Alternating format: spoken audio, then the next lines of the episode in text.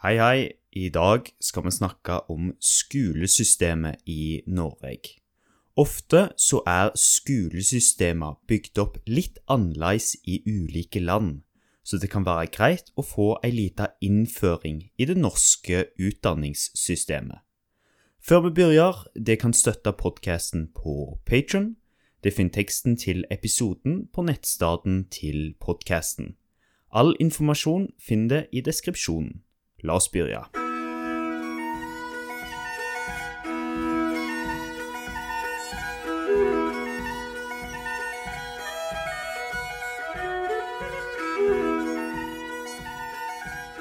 Det norske skolesystemet er bygd opp i to hoveddeler.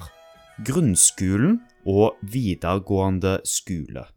Grunnskolen går fra første til tiende klasse og er obligatorisk for barn mellom 6 og 16 år. Grunnskolen er altså ikke bare en rett, men det er ei plikt. Alle barn i Norge må gjennom minst disse ti åra med skolegang. Grunnskolen kan videre deles inn i to deler barneskolen og ungdomsskolen. Disse to pleier som regel å være skilte i to ulike skoler. I bygda jeg kommer fra, så var det to barneskoler og to ungdomsskoler. Alle disse hadde ulike bygg. Barneskolen går fra første til sjuende klasse.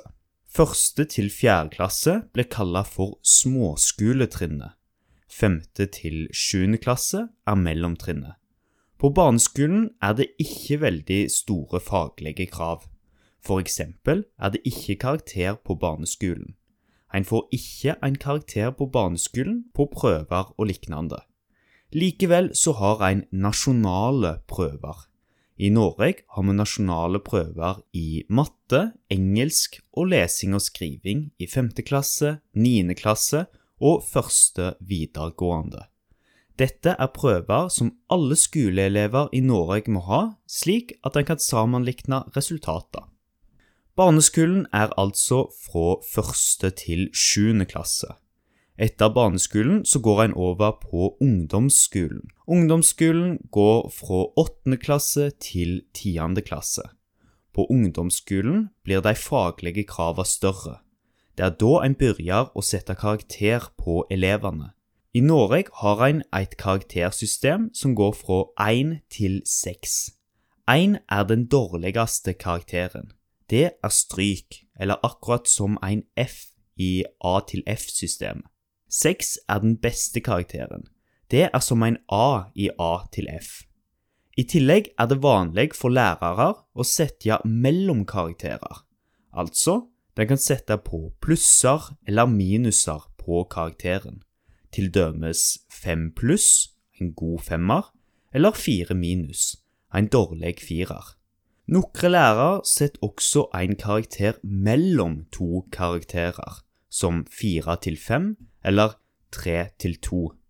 På vitnemålet skal det derimot bare stå rene karakterer.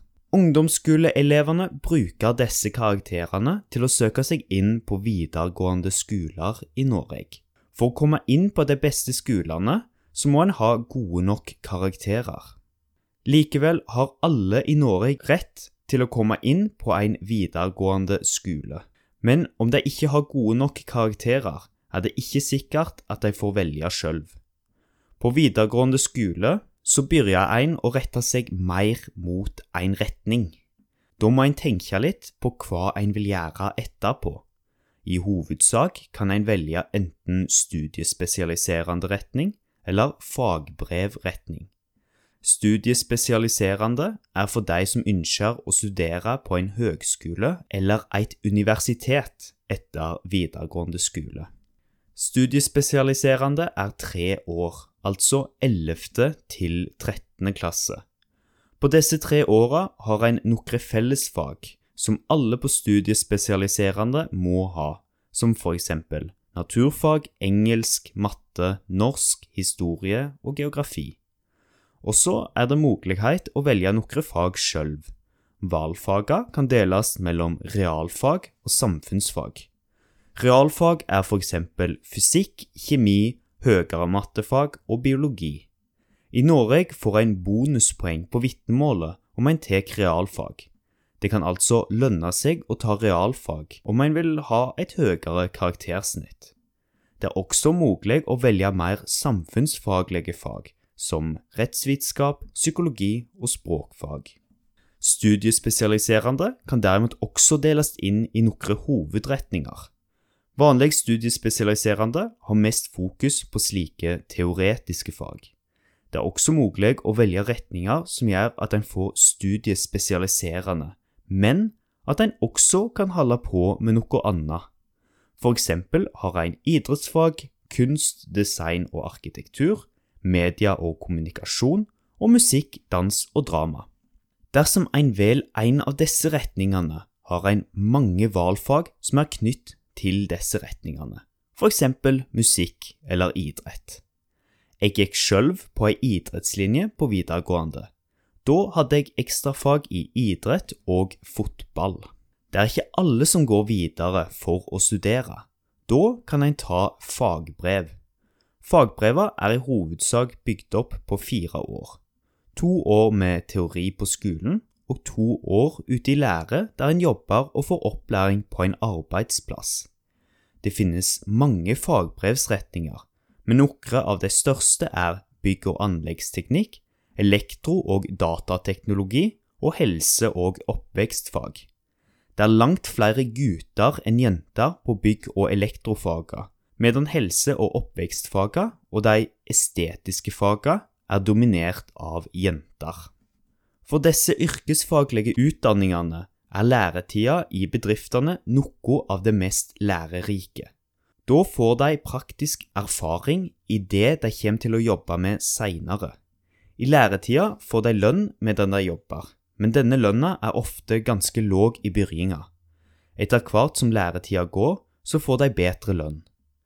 De får derimot ikke vanlig lønn før de tar fagbrevet. En kan ta fagbrevet etter to år i lære. Dette er et såkalla sveinebrev. Lærling, svein og meister er alle ord som er henta fra det gamle laugsystemet i Norge, der en hadde egne laug for produksjon av ulike varer. For å få et fagbrev må en ta en fagprøve. Denne fagprøven er ofte direkte knytt til det en skal jobbe med, og innebærer både en praktisk og en teoretisk prøve.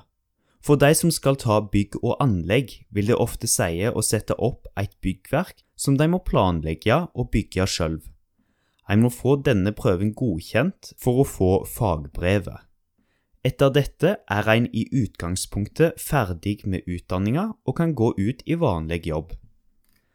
Det er derimot mulig å få studiekompetanse også for de som har tatt fagbrev. Da må de ta et påbyggsår med de teoretiske fagene de mangler. Det er mulig å ta et påbyggsår etter fagbrevet, eller eventuelt så kan en droppe å ta fagbrev og ta påbyggsåret etter to år på et yrkesfag. En må ha studiekompetanse fra videregående skole for å studere på høgskoler og universitet i Norge. I Norge søker en på disse skolene med de karakterene en har. De som har høyest karaktersnitt, kommer inn på de retningene og universiteter som har høyest snitt for å komme inn. Medisinstudier i Norge har til dømes veldig høye snitt. Da er det de med høyest karaktersnitt som kommer inn. Karaktersnitt er basert på eksamensresultater, egne karakterer, og karakteren en fikk i faget det siste semesteret en hadde faget. For eksempel kan en få en karakter i matte basert på matteprøvene en hadde gjennom hele semesteret.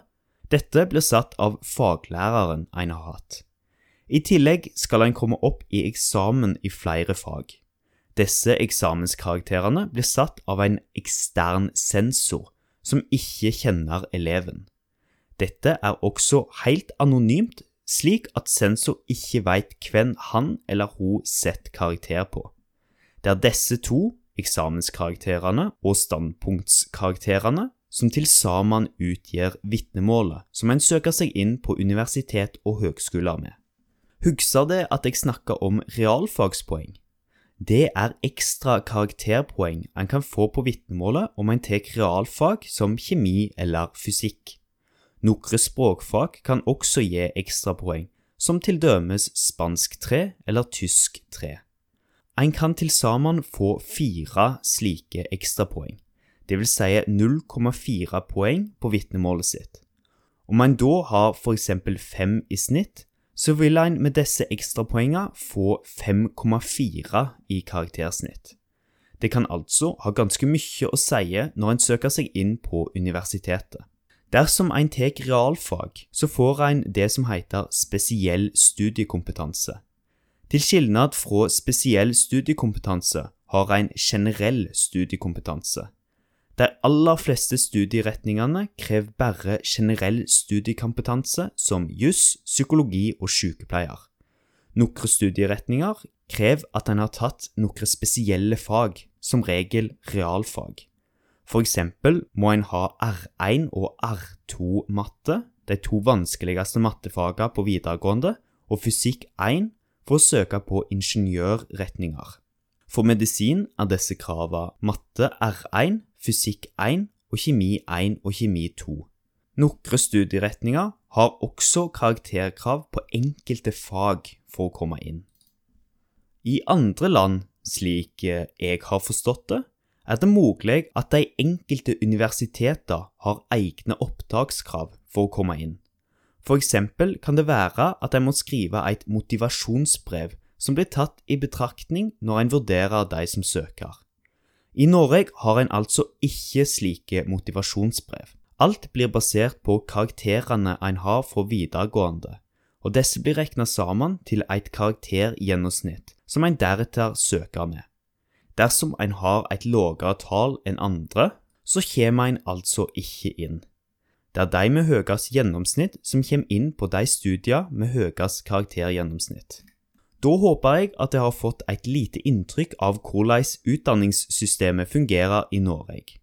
La meg ta en kjapp oppsummering.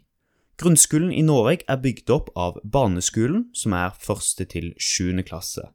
Deretter går en over til ungdomsskolen, som går fra åttende til tiende klasse. Etter ungdomsskolen søker en seg inn på videregående. Der kan en gå på en studieretning eller yrkesfaglig retning. Studiespesialiserende går fra 11.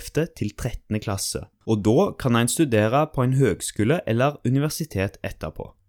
Yrkesfag er delt i to år med teori på videregående og to år ute i praksis i en bedrift før en kan ta fagbrevet. Takk for denne gangen. Jeg håper at vi treffes i neste episode. Ha det bra.